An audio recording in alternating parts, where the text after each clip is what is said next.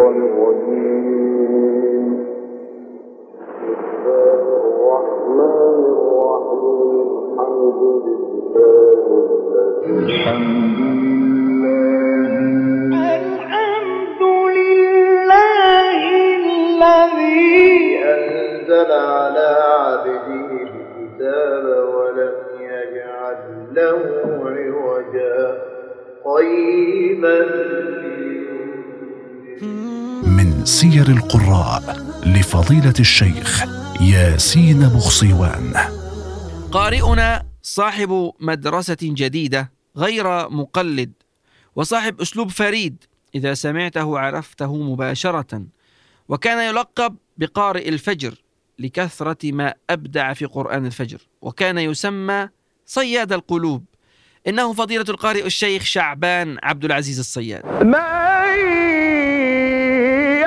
يشفع شفاعة حسنة يكن له نصيب منها.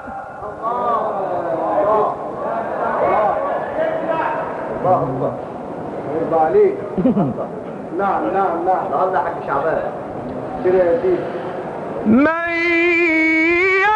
يشفع شفاعة حسنة يكن له نصيب منها.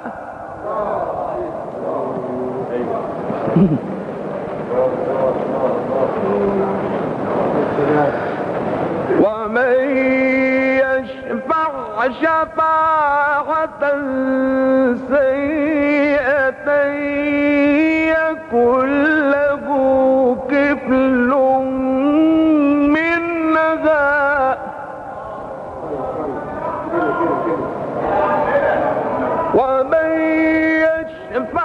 يشفع شفاعة سيئة يكن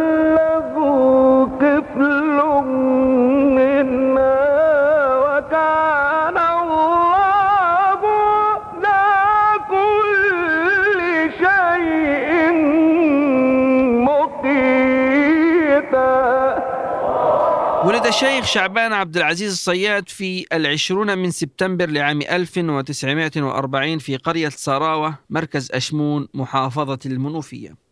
كان ابنا للشيخ عبد العزيز الصياد صاحب الصوت الملائكي الذي يشبه كثيرا صوت الشيخ الفذ محمد رفعت حسب روايات عديدة من معاصريه المفارقة أن الإذاعة أرسلت خطابا إلى والده تخطره بالحضور لاعتماده مقرئا بها. لكن الخطاب وصل في يوم وفاته عام 1944 يومها كان الشيخ شعبان في الرابعة من عمره. أتم الشيخ شعبان حفظ القرآن الكريم كاملا في السابعة من عمره وراجع حفظه على يد شيخه عبد العزيز مدكور ليتعلم أحكام التجويد والقراءات على يد الشيخ جاد أبو غريبة أحد علماء القراءات. ثم التحق بالمعهد الديني الابتدائي فلفتت موهبته الصوتية أستاذه. فكانوا يجعلونه يتلو بعض آيات الله في الفصل حتى ذاع صيته ليظهر في المناسبات العامة قبل أن يتم الثاني عشر مقابل عدة قروش. أكمل دراسته بمعهد منوف وأتم دراسته الثانوية ليلتحق بكلية أصول الدين بجامعة الأزهر وتحديدا شعبة العقيدة والفلسفة ويضطر للإقامة في صحن الأزهر الشريف. سمع مشاهير القراء بموهبة الشيخ شعبان وفي ليلة عاد من مناسبة إلى صحن الأزهر استعدادا للامتحان في اليوم التالي وراح يستذكر دروسه فغلبه النوم. وفي هذه الأثناء كان الشيخ مصطفى إسماعيل القارئ الشهير في الجامع الأزهر قبل صلاة الفجر. فرأى الشيخ شعبان نائما وفي يده كتابه الذي سيمتحن فيه صباحا.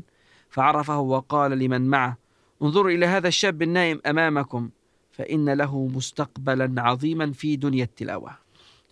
شهادة الشيخ مصطفى إسماعيل سببها أنه دعي للقراءة بقرية أبو سنيطة بالمنوفية وكان الشيخ شعبان مدعوا معه وعندما قرأ أعجب به شيخ مصطفى إسماعيل وقال له أنت تذكرني بشبابي وطلب منه أن يختم القراءة في هذه الليلة خلافا للمتعارف عليه حيث إن القارئ الأكبر هو الذي يختم القراءة. حصل الشيخ شعبان على الليسانس بدرجة جيد جدا في عام 66 و900 وألف ورشح للعمل بالسلك الجامعي ولكنه رفض حتى لا يعيقه العمل الجامعي عن رسالته التي يعشقها وهي تلاوة القرآن الكريم. فعمل مدرسا بمعهد سمنود الأزهري ثم بمعهد الباجور قبل أن ينتقل للعمل بمديرية الأوقاف حتى وصل لدرجة وكيل وزارة. ورغم شهرة الشيخ شعبان لكنه لم يلتحق بالإذاعة المصرية إلا عام 75 وتسعمائة وألف ليصل صوته إلى كل الناطقين بالعربية داخل مصر وخارجها. وظل يتلو القرآن الكريم بصوته الجميل والمميز حتى رحل عن عالمنا في التاسع والعشرين من شهر يناير لعام ثمانية وتسعين وتسعمائة وألف. رحم الله فضيلة القارئ الشيخ شعبان عبد العزيز الصياد.